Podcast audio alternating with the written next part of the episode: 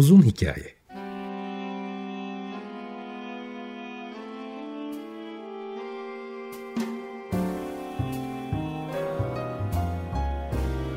Sinir bilim, psikoloji, felsefe ve müzik.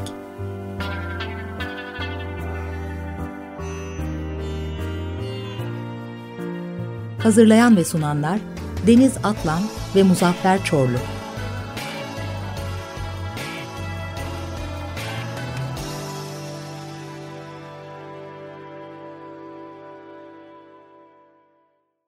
...95.0 Açık Radyo'dan, Açık Radyo.com.tr ve onun uzun hikayesinden herkese merhaba. Ben Deniz Atlan ve bugün yalnız değilim. Muzaffer de karşımda. Muzaffer günaydın. Günaydın, ne haber? Önce hemen ben şimdi senden sözü almışken e, söyleyeyim. Geçen haftaki programı ben çok beğendim. Aslında yılın ilk programı olarak hani herkese iyi yıllar dilemek kısmet olmadı ama şimdi herkesin yeni yılının çok daha az sorunlu geçmesini dilerim. Fakat senin programında şeyi çok beğendim. E, yeme içme sektöründen bahsedince ben dedim eyvah şimdi çok sıkıcı. Kim ne yiyecek, kim ne içecek. Yeme içme trendleri öyle bir geldi ki kulağa. Hani böyle e, herkesi de çok ilgilendirmeyen. Zaten hayat çok pahalı. Bir hangi trendden bahsediyorsun gibi mi gideceksin acaba diye. Ama neyse ki senin geçmişini biliyorum. Hem şefliğini hem gastronomi yazarlığını. Dolayısıyla konuyu hem iklim kriziyle ilişkilendirmen hem de en azından Michelin yıldızından bahsederken e, yeşil olanını anlatman, sürdürülebilir olmasını önemsemen, öncelemen hoşuma gitti. O yüzden de uzun e, hikaye programı için çok güzel oldu. Önce bunun için tebrik ederim. Güzeldi, ben çok beğendim. Ama bugünkü programı istersen sen e, aç. Geçen hafta yaptığın programla çok ilişkili bir e, nokta var. Onu anlatacağım ben. Aslında biz bugün şöyle bir e, konu başlığı seçtik. Bizim programda da e, beraber yazdığımız e, yazılarda da sıklıkla aslında ele aldığımız bir konu. İster istemez teknolojinin, dijitalleşmenin ve yapay zekanın sanata etkisini, yaratıcılığa etkisini defalarca kez sen ve uzman konuklarınla konuştun. Üzerine de çok konuştuk ve yazdık, çizdik. Bugünkü aslında ana başlığımız ben gene gazeteci ve dergici gözüyle 360 derece hani sanata bakmaya çalışacağım ama tabii ki de e, müzik ve teknoloji hikayesini konuşacağız birlikte. Ben direkt böyle şeyler girmek istiyorum.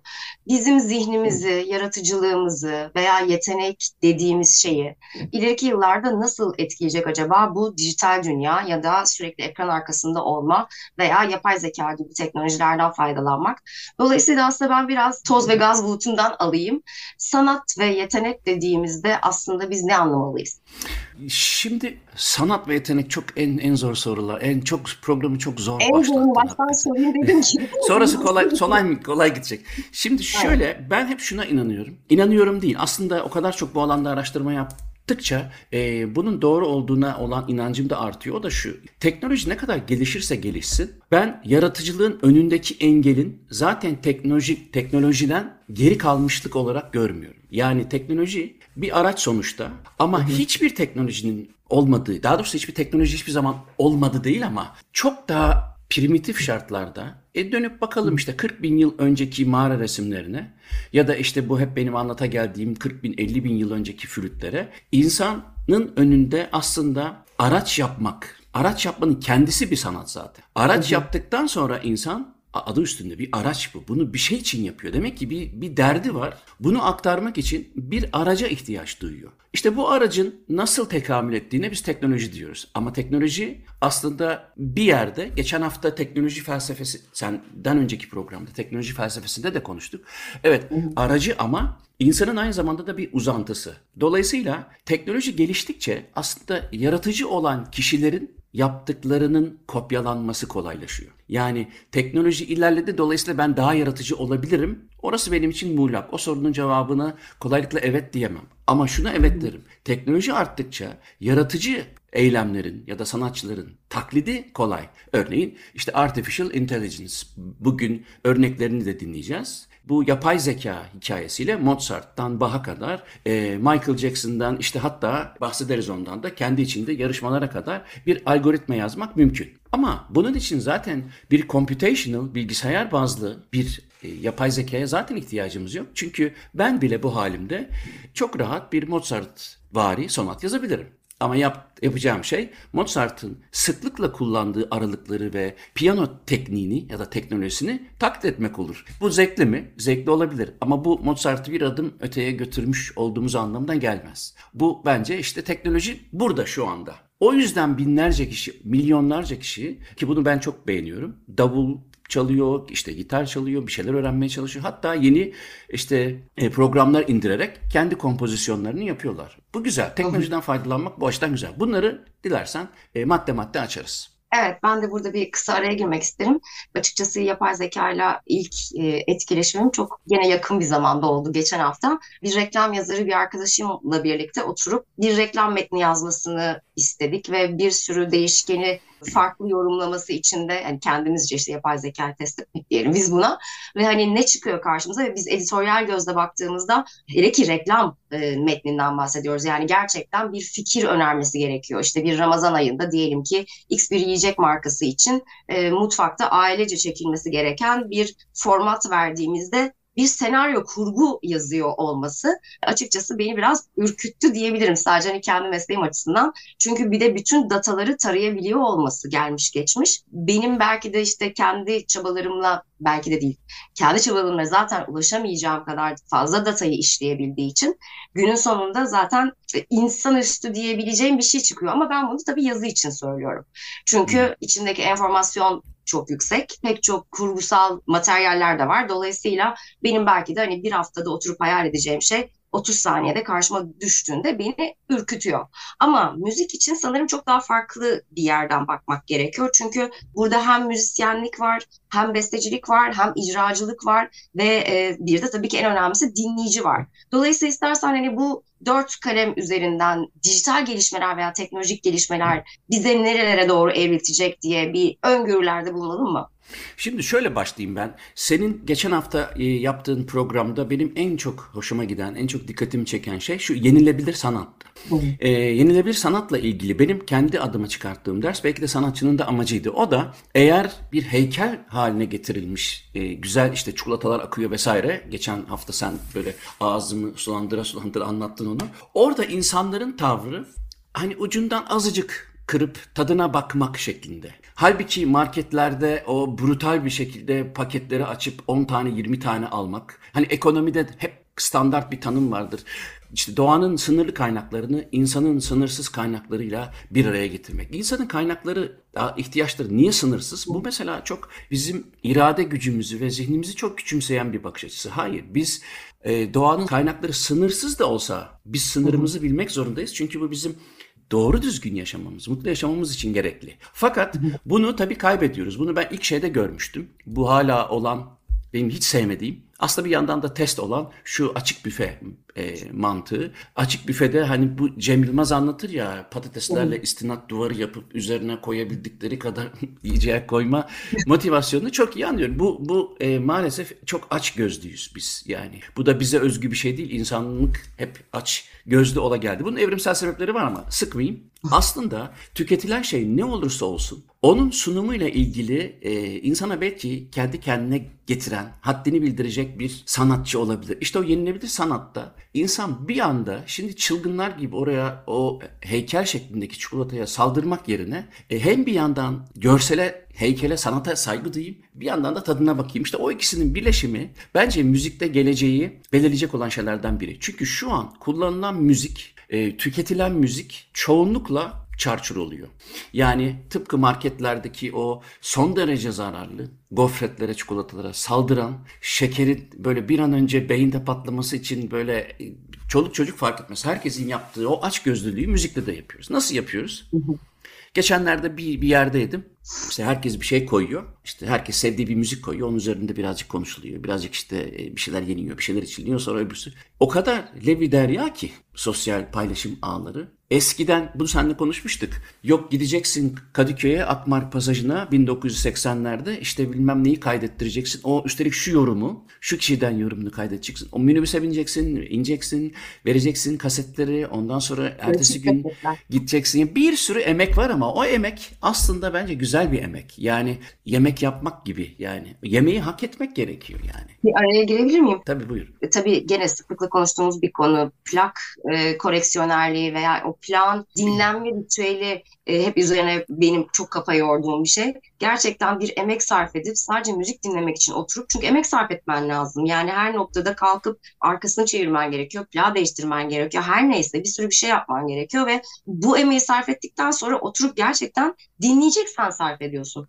Ama herhangi bir sosyal medya üzerinden kaç tane parça açıp aa aklıma şu da gelmişti şimdi bir de bunu dinleyeyim hadi arkasından da bunu dinleyeyim. Mesela şimdi benim gözüme çarptı arkamdaki CD'lik normal şartlarda biz eskiden hani önüne geçer ve bu sabahki acaba ruh halime göre ya da dışarıdaki havaya göre şunlardan hangisini dinlesek çok güzel olur diye birbirimize danışırdık. Ondan sonra da büyük bir keyifle açıp onu dinlerdik ve sessizce dinlerdik. Şimdi müziğin tüketim şeklinin ne hale geldiğini kendi adıma da bakıyorum. Ben bir şeyi oturup da baştan sona da dinleyemiyorum. Ve evet yemekteki gibi gene emek verilen bir şey olduğu zaman ona saygı duymak gibi de değişik bir kavrama geliyoruz. Dolayısıyla şu an müzik dinleme şekillerimizin bu hale gelmiş olması tüketimi de e, sanırım çarçur olmasına yol açıyor. Mesela hani kendi adıma düşünüyorum. Ben şu anda bir müzisyen besteci olsaydım acaba motivasyonum şu andaki hayatta ne kadar olurdu diye düşünmeden edemiyorum mesela. Geçenlerde o e, işte toplantıda bunu bir buçuk çarpı bir buçukla dinlediğimizde güzel olur falan gibi e, olasılıklara gidiyor. Bence endüstriyel tarafını falan konuşuruz tabii. Yapay zeka tarafını konuşuruz ama tıpkı yiyeceklerde, içeceklerde her türlü, her türlü bizim e, sapmış ihtiyaçlarımızda olduğu gibi irade dersleri almamız gerekiyor. İlkokullardan itibaren. Hatta yani iradeyi kontrol edebilmek gerekiyor. Bu kadar çok bol sunuluyor diye ya dünyadaki bütün kitapları okuyamayacağımız kesin. Dünyadaki bütün müzikleri dinleyemeyeceğimiz kesin. Selektif olabilmek için, daha seçici olabilmek için işte bir takım backgroundlar geliştiriyoruz. Bize veriliyor ya da biz öğreniyoruz ya da zevkimizden ötürü biraz daha derinleşiyoruz. İşte o zaman her neyse o ben buna inanıyorum. Bunu müziğe de, müziğin geleceğine de adapte ediyorum. Belirli bir zaman ayırmak gerekiyor. Bir insan müziği seviyorsa. Ha arkada da çalabilir bu arada. Ona da hiçbir zaman itiraz oh. etmem. Çünkü o da bir e, atmosferdir. Ama müzik dinleyen birisinin bence bir defa kesinlikle iyi bir e, sistemini olması lazım. Bütçesinin yet- yeterli olabildiği en iyi sistemi alması lazım. E, kaynağın da iyi bir şekilde geliyor olması lazım. Ondan sonra da bugün ne dinleyecekse onu onu dinlemesi lazım. Ama göreceğiz, konuşacağız iş bu tarafa doğru gitmiyor. Umarım bu tarafa doğru gider. Umarım müzik psikologları da insanlara yardımcı olur. Bu bizim en önemli kognitif faaliyetlerimizden biri. E, ben bunu her zaman çok anlatıyorum, önemsiyorum. Ama bunun e, doğru düzgün bir yere girmesi lazım. Umarım bu konularda açılır. Ama bence şimdilik bu konular açılmayacak. Endüstri ne istiyor? E, tüketim ne istiyor? İnternet nereye doğru evrilecek? Ben bugün o kadar pozitif ve optimist olamayacağım ama bu şerhi koyayım baştan. Eğer bir tane program yaparız sadece. Müzik nereye doğru gidecek başka bir soru. Nereye doğru gitmeli başka bir soru. Biz ilkine cevap arayalım. Bizim zaten genel olarak senle tavrımız bu programda e, bayağı karamsar oluyor. Hani yüzdeye vurduğumda e, sanki böyle sürekli dijitale ayak direyen bir tavrımız varmış gibi hissediyorum. Ama hayır da hissediyorum bu arada. Öyle olmuyor ki işte sosyal medya mesela. Sosyal medya bir sürü araçlar var sosyal medyada. Hadi en ünlü 5 tanesini düşünelim. Twitter'dan, TikTok'una, Facebook'undan, Instagram'ına. Çok iyi bir şekilde kendine zarar vermeden hatta yararlanan insanları tenzih ediyorum. Ama bu Allah aşkına yüzde birden azdır. Yani ben e, sıkılıyorum bir giriyorum. O ona laf yetiştiriyor. Bu buna laf yetiştiriyor. Bazıları herkese laf yetiştirme derdinde. Bilip bilmeden herkes her konuda bir şeyler konuşuyor. Resimler havada uçuşuyor. Onlara yorumlar havada uçuşuyor. E yani insan zihnindeki çöplük metalaşıp sosyal medyaya yansımak zorunda zaten. E, müzik de bundan nasibini alıyor. Bence bu bir pesimistlik ya da işte hani çemkirme değil de e, realite bu. O yüzden de hep hayatın tadını çıkartmak isteyenlerin çoğunlukla yavaş yavaş uzaklaştığını ara sıra gidip ekmeğini bandığını görüyorum sosyal medyaya. E, umarım o kişilerin sayısı artar. Ama ben girdiğimde sıkılıyorum yani ne yapayım işte bilmem neredeki kişinin bilmem hangi politikacıyla ilgili nasıl açık yakaladığını ve her gün milyonlarca kere e, biraz sıkıyor. Dolayısıyla al işte sosyal medya gösterge değil mi? Dilersen bir müzik arası verelim. E, bugün iki tane yapay zeka tarafından vücuda getirilmiş müzik dinleyeceğiz. Nasıl gerçekten sunacağımı bilemedim. Muzaffer seçti. Sen anons edebilir misin? Tabii tabii. Şimdi iki tane var. Önce hani e, herkesin klasik müzik dinleyen, seven herkesin çok şaşırmadan belirleyebileceği besteciler var. Bence bunlardan biri Mozart, biri Bach. Daha da var ama ama en azından hobi düzeyinde de klasik müzik dinleyen e, bu eser Mozart'ın olabilir mi, bu eser Bach'a ait olabilir mi diye akıl yürütebilir. Profesyonelleri ve e, o konuda daha derin bilgisi olanlarını e, ayrı ayrı koyuyorum. Onlar e, Mendelssohn'la e, Brahms'ı da çok rahat ayırabilir. Hatta Philip Glass'a kadar gider. Fakat o yüzden ben Mozart ve Bach'tan seçtim. E, dilersen arka arkaya dinleyelim onları. Burada tabii daha önce ben bir yıl oldu sanıyorum. Bir yıl biraz geçti. Profesör Cem Say'la birlikte e, yapay zeka üzerine bir program yapmıştım. E, orada da ben o soruyu sormuştum. Hani bestecilerin geçirdiği kişisel e, tecrübeler var. Üzüntüler, acılar. Dolayısıyla bir e, müzik strüktürü içerisinde orada e, özel bazı duygulara hitap eden musical features dediğimiz müzikal özellikler var. Müziğe dair e, elementler var. E tabii Cem Say'da şey demişti yani eğer o artif şey neyse o duygu, o duyguyu e, yazabildiğimiz anda onu da Tabii. artificial intelligence'a yükleyebiliriz. Eyvallah.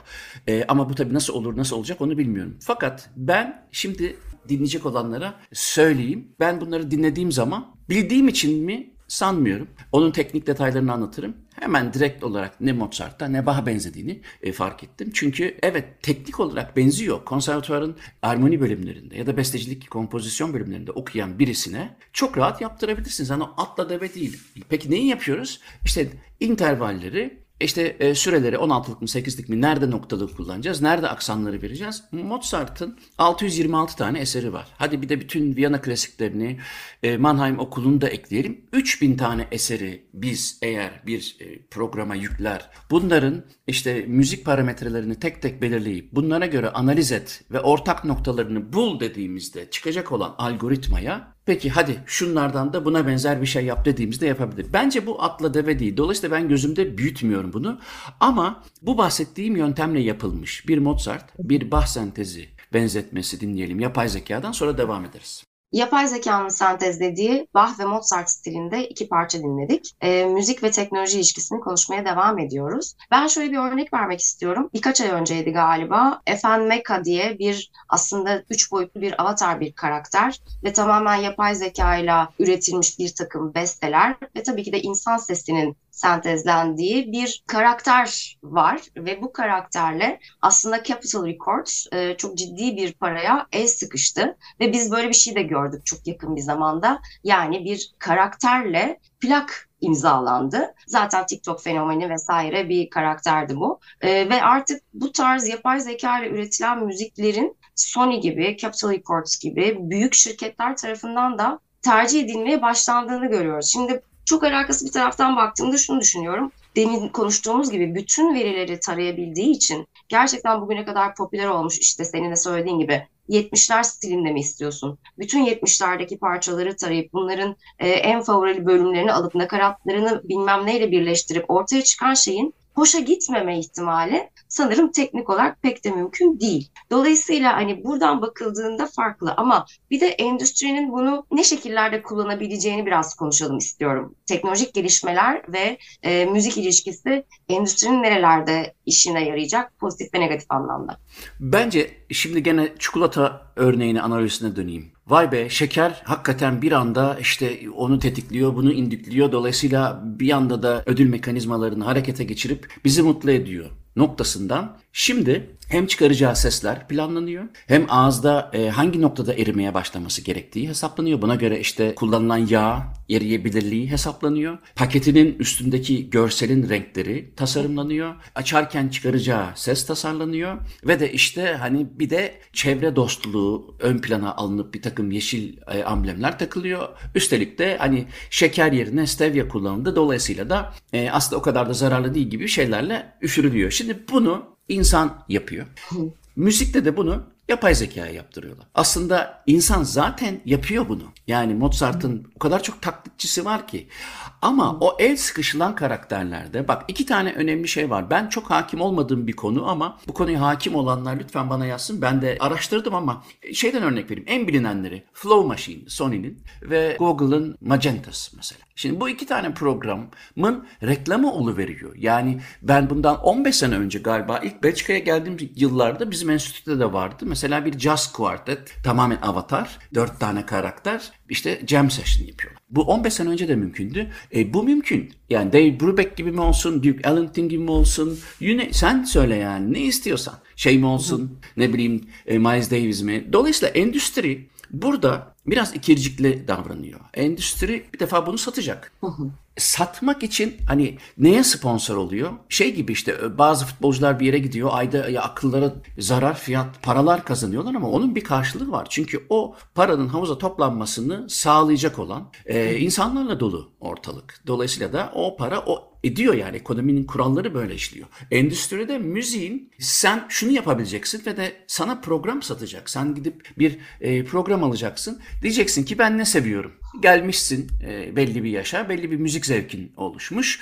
Diyorsun ki mesela ben biraz bu ilk hard rock örneklerini e, beğeniyorum. İşte en çok beğendiğim şu grup. E, o grubun en çok beğendiğim şar- ilk üç şarkısı şu. Ondan sonra sana diyecek ki peki buna yakın neler var? Ondan sonra klasik müzikten neler seversin? Sonra bütün bunlardan bir şeyler deneyecek ve bu beste aslında senin olacak. Sen bunu yapacaksın ve kendi müziğini oluşturacaksın. Bence bu satacak. Yani herkes evinde kendi bestecisi olacak. Nereden biliyoruz bunu? Senin alanından gidelim. Ee, bir tane firma ki bende ne var o yani pahalı makineler. Ben çok severim pizzayı. Aslında odun fırını almak eve koymak zor eğer bahçeli bir evin yoksa falan. Ne yapıyor? İşte bir, bir marka çıkarıyor diyor ki hem küçük hem de 300-400 dereceye kadar daha doğrusu 500 dereceye kadar 8 saniyede pizzanı Napolitan pizzayı 8 saniyede yapabileceğin fırını sana yapıp veriyor. Onun yanında bir de hamur makinesi veriyor. Onun yanında bir de domates sosunun makinesini veriyor. Sen de sanıyorsun ki Michele'nin kendisi oldun.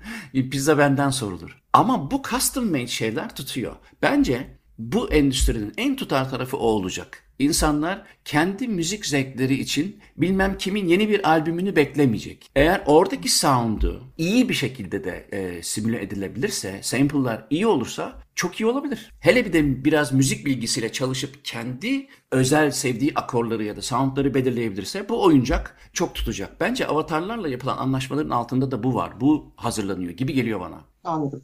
Peki şimdi bu senin anlattıkların bana şöyle bir şey çağrıştırdı. Bir dönem deliler gibi puzzle yapıyordum ve özellikle de barok dönem ressamların eserlerini yapmayı tercih ediyordum. Ee, ve bu bende inanılmaz farklı bir keyif yaratıyordu. Yani dağ manzara görseli gibi bir şey değil de e, bir sanatçının fırça darbelerini görüp onu yapabiliyor olmak ve günün sonunda da duvara astığında evet replikası bile değil belki ama ben de yaptım. Dolayısıyla aslında Hı-hı. bütün tablodaki mikron mikron bütün fırça darbelerine de ayrıca da hakimim bir yandan da gibi. Ben de mesela bunun verdiği hazzı şu an düşündüm. Dolayısıyla hani müzisyen olmayan birinin ya da müzikal bir eğitim geçmişi olmayan sadece müzikle iyi bir ilişkisi olan birinin kendi bir şey üretebilmesinin vereceği hazzı düşündüm şu anda. Hani bunu bir biraz hani psikolojik açıdan da bir yaklaşabilir miyiz? Ya şimdi Gitar Hero diye bir şey vardı bundan 20-30 evet. sene önce. Şimdi bir enstrüman çalmak, çalabilmek, yeteneği falan hep kenara koyarak söylüyorum. Evet. Standart birisi için yıllar yıllar yıllar yıllar uğraşılması gereken bir şey. Hı hı. Basit düzeyde işte kendim eğlenecek kadar demek için bile bir zamansal e, emeksel yatırım gerekiyor. Şimdi bu günümüz dünyasında e, bizim programı bile dinleyenlerden bazıları e, ben yavaş konuştuğum için iki, çarpı 2 ile dinliyor. O kadar bile yani sa sabrı olmayan bir kuşak için oturup kimse işte 7-8 sene sırf standartını öğrenmek için uğraşmıyor. Eğer özel bir ilgisi veya o kanalda bir kariyeri yoksa.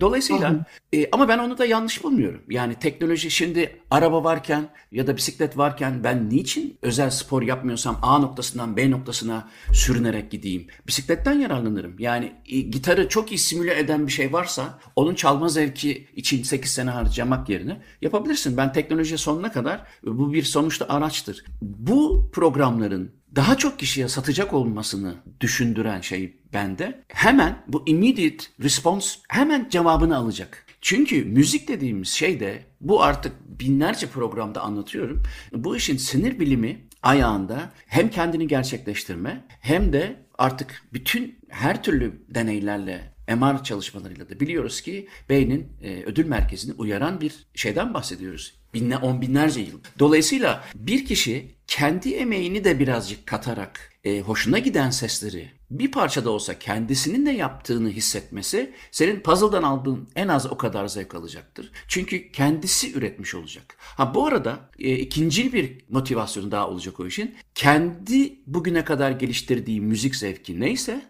onu da onaylatmış olacak. Yani diyelim ki ağırlıklı olarak rock müziği dinleyen bir kişi düşünelim ya da ağırlıklı olarak caz müziği dinleyen. Ben böyle sınıflamalar yapmam ama ağırlıklı olarak diyorum. Bunun yanında her müziği dinleyebilir ama hani geçirdiği 10 saatin insanın aşağı yukarı 6 saati gibi öyle gösteriyor çalışmalar. Belirli bir janrda dönüyor. Hadi ona da eğilimi olduğu müzik çeşidi diyelim. İşte onu geliştirmek kolay olmuyor. İnsan ne bileyim 13 yaşında Ed Sheeran dinliyor. 15 yaşında Beatles'a geçiyor. 19 yaşında Metallica'lar başlıyor. 20'lerde e, caz başlıyor. Sonra klasik giriyor. Sonra tekrar geriye dönüyor. Sonra işte lokal küçük daha ne diyorlar ona dünya müziklerine gidiyor falan filan. Bir müzik zevki olmayan hemen hemen yok gibi.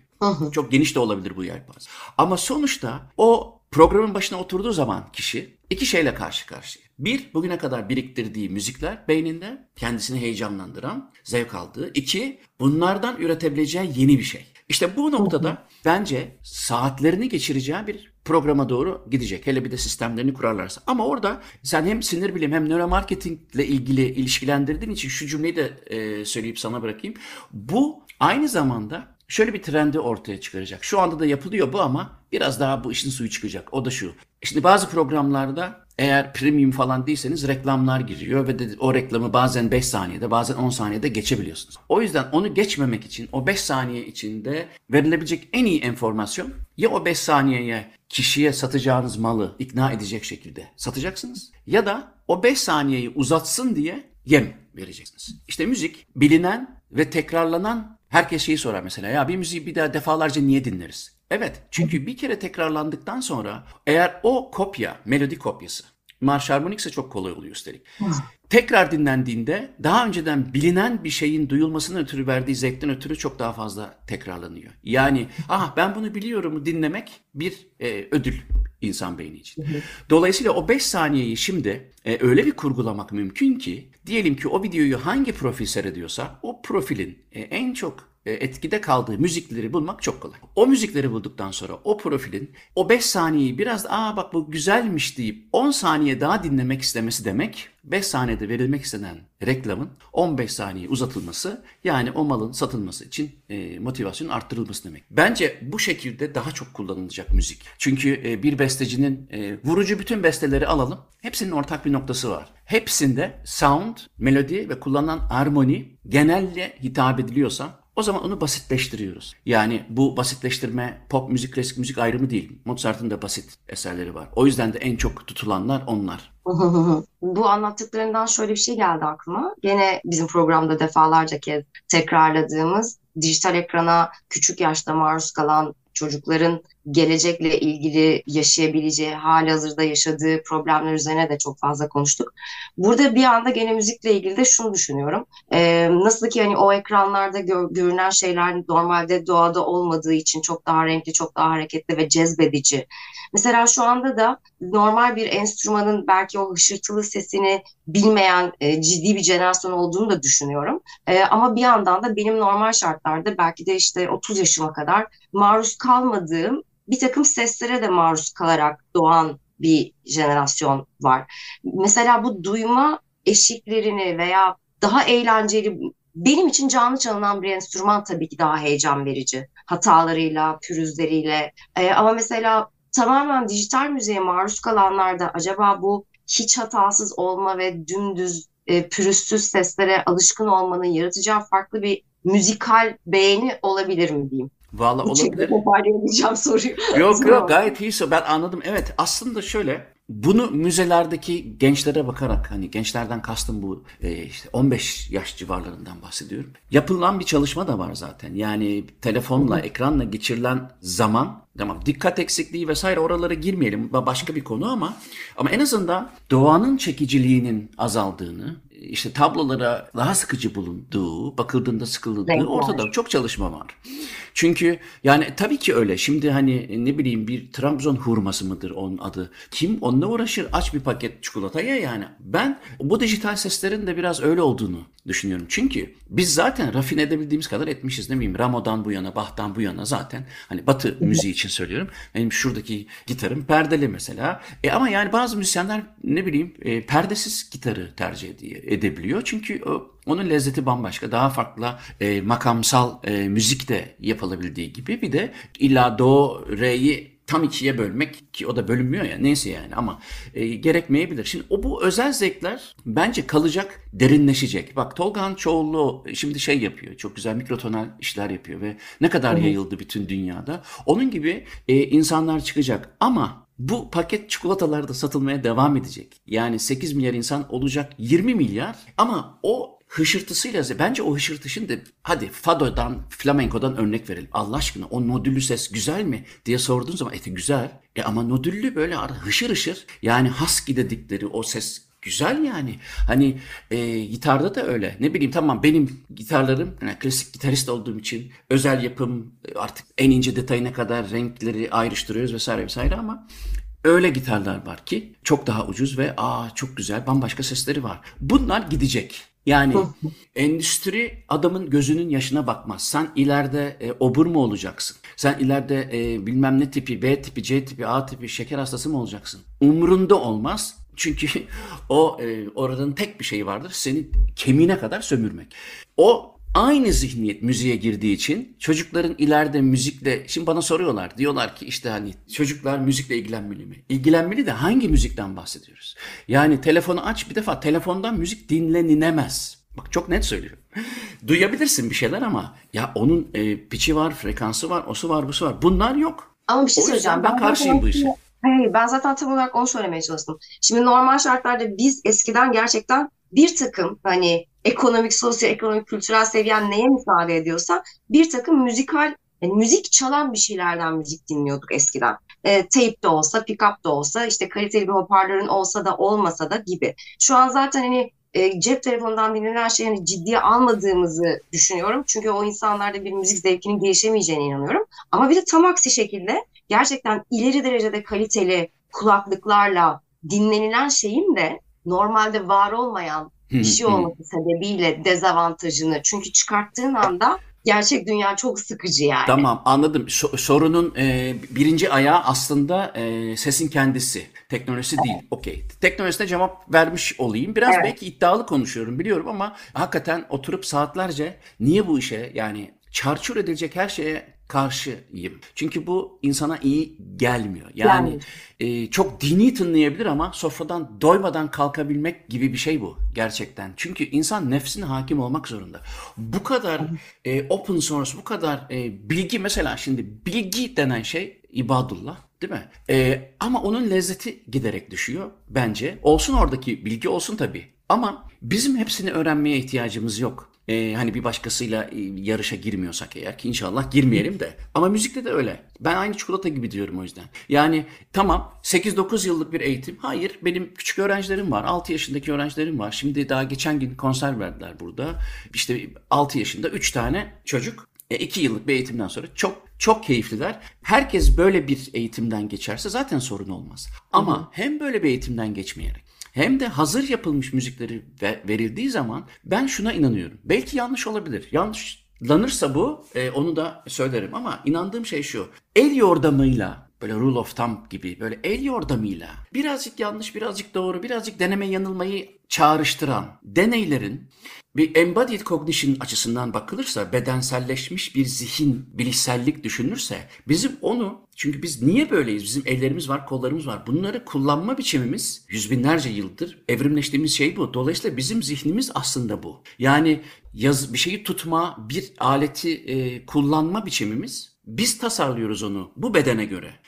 Dolayısıyla şimdi şöyle yazma veya şöyle büyütme e, gibi sesler de aslında bu kadar kusursuz değil. Yani e, senin söylediğin soru eğer buysa tam e, kişisel hataları random işte o permütasyonları barındırmayan bir matematik duyacağız. Bahta bile yok o kadar yani. E, ve onu duymak tan sıkılacaklardır. Hani kötümser olmayalım. İnsanlar sıkılacaklardır. Çünkü kişisel bir derdi bütün dünyadaki dertleri hadi diyelim ki algoritmalara yazdık ama bence o dokunabilirlik seste de var. Yani e, canlı konsere gittikçe gerçek canlı konsere ama böyle neredeyse %90'ı e, playback'le arkadan desteklenmişten bahsetmiyorum. Canlı konsere gittikçe insanın enstrümanla ilişkisini gördükçe renklenecek. O yüzden endüstri satacağını satar. Sonra da bize dönüp der ki ya bunlar aslında hikaye, asıl hikaye olan, önemli olan şu diyecek. Ondan sonra başka bir şey satacak. Yani biz nefsimize hakim olamadığımız sürece bence.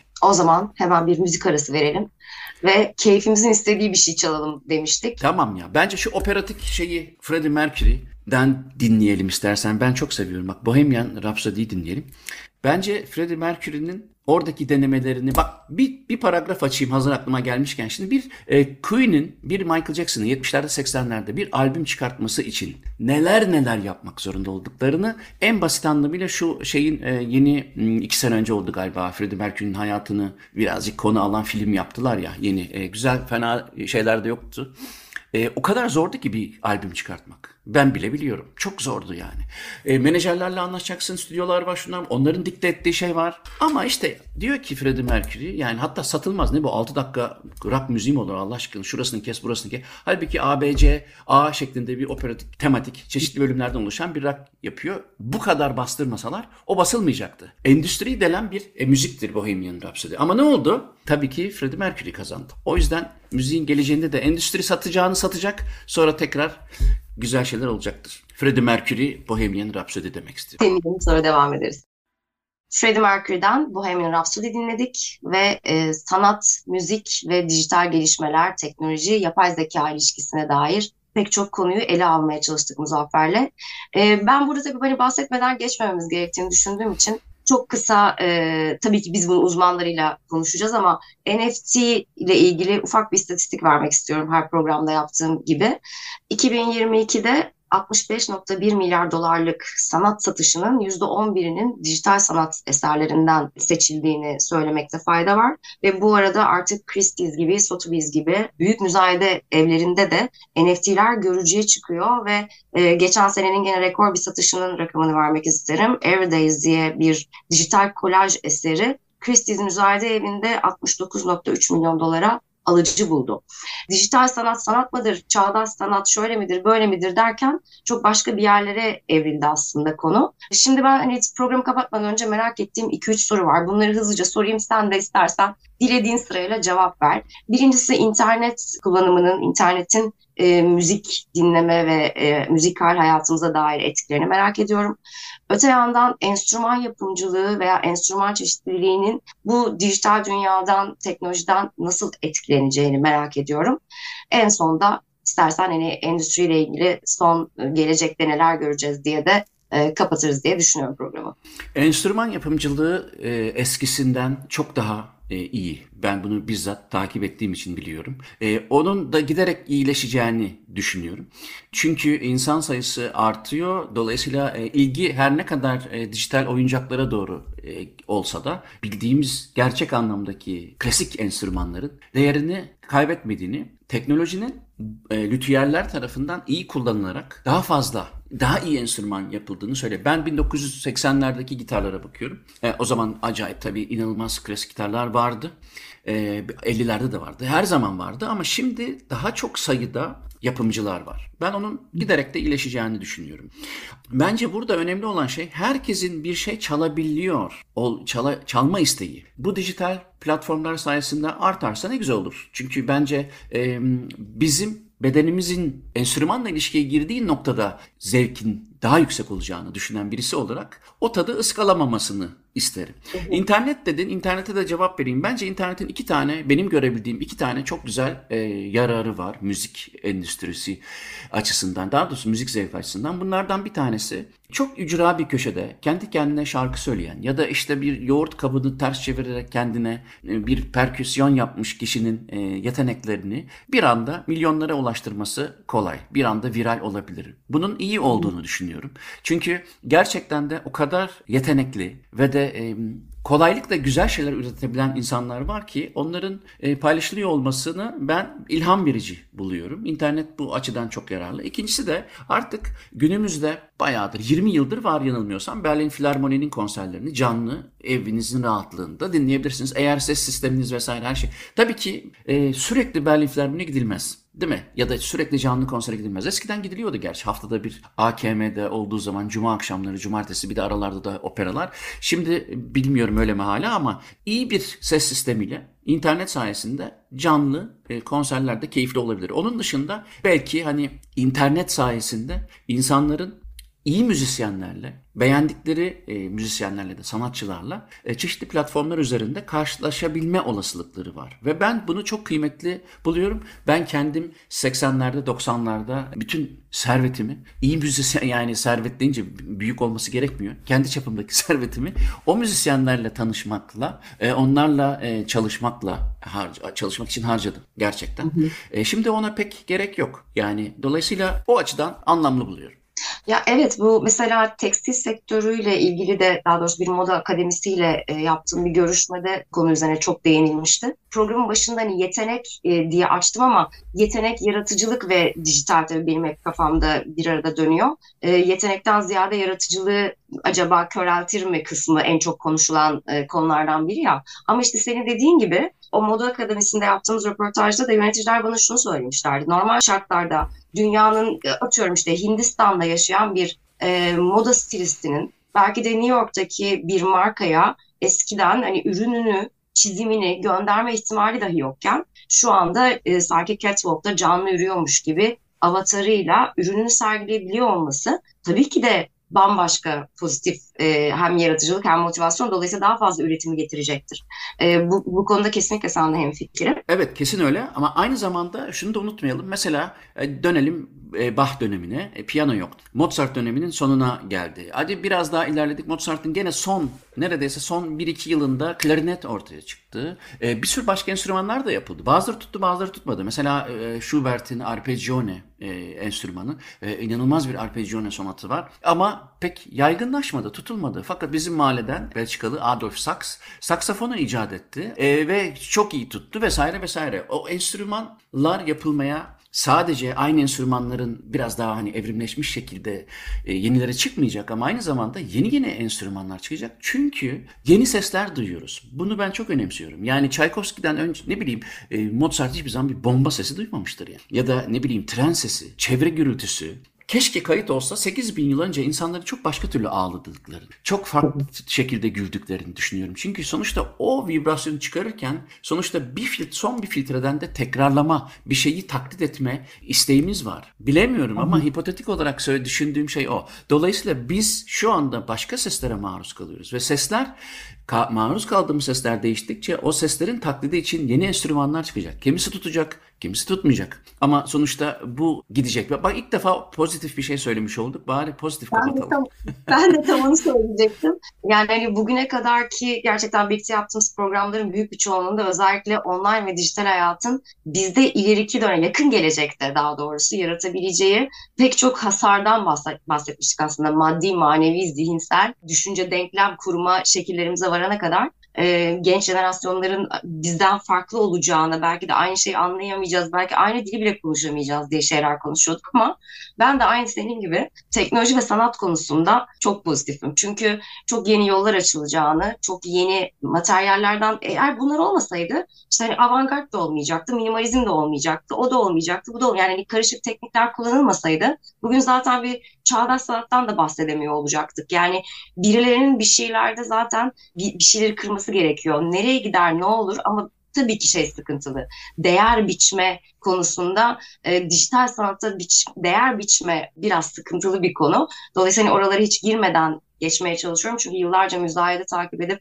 özellikle de sanat piyasası yazmış bir dergiden geliyorum. E, değerleme ile ilgili tabii ki de benim de kafamda binlerce soru işareti var. O yüzden de en yakın zamanda bir uzmanla bunu konuşuruz dedik. Ama herhangi bir aplikasyon vasıtasıyla 3-5 satırlık bir melodi üreten bir kişinin bile ruhuna iyi geleceğine inanıyorum en azından bunun. Öte yandan da pek çok olanağı olmayan kişinin de belki de yaratıcılığını sergileme, birilerine ulaştırma şansı olacaktır. Dolayısıyla senin de dediğin gibi son kez pozitif bir şekilde bugünkü programı kapatalım istersen. Çok keyifliydi benim için. Umarım siz de keyif almışsınızdır. Bugün Muzaffer'le müzik, teknoloji ve sanat ilişkisini konuşmaya çalıştık. Eklemek istediğin son bir şey varsa alalım Muzaffer ve kapatalım programı. Canlı müziğe lütfen e, önem verin. E, sokak müzisyenlerini sevin, dinleyin. 10 saniye öyle e, yani yanı, yanından geçtiğimiz müzisyenin e, illa oradaki gitar kutusuna, keman kutusuna para koymanız da gerekmiyor. E, ama duydum, ne yaptığını gördüm, değdi bana diye göstermeniz çok çok önemli. Yani so- sanatlarını sokakta e, ya da konserlerde ya da işte bazı e, platformlarda seslendiren kişilere gerçekten 3-5 saniye ayırmak olsun benim bugünkü bu konuyla ilgili mesajım. Çok teşekkür ederim. İyi bir şey hatırlattın bana. Ben şimdi bir yemek sektörüyle ilgili bu örnekle kapatayım. Gene benim o programda bahsettiğim küçük üreticinin ayakta kalması nasıl ki aslında bütün e, kocaman bir yiyecek içecek sektörü için çok önemliyse burada da dediğin gibi birilerinin üretmek için motive olması ve ürettiklerini de birileriyle paylaşması gerekiyor. Dolayısıyla da e, sokak müzisyenlerine ve müzisyenlere canlı müziğe daha yakın olalım mottosuyla bitirelim. Bize ulaşmak için muzafferçorlu.gmail.com'a veya denizatlam.gmail.com'a yazabilirsiniz. Açık Radyo bu programı Spotify koyacak. Biz de Muzaffer Çorlu YouTube kanalına koyacağız. Önümüzdeki hafta görüşmek üzere. Hepinize günaydın. Günaydın.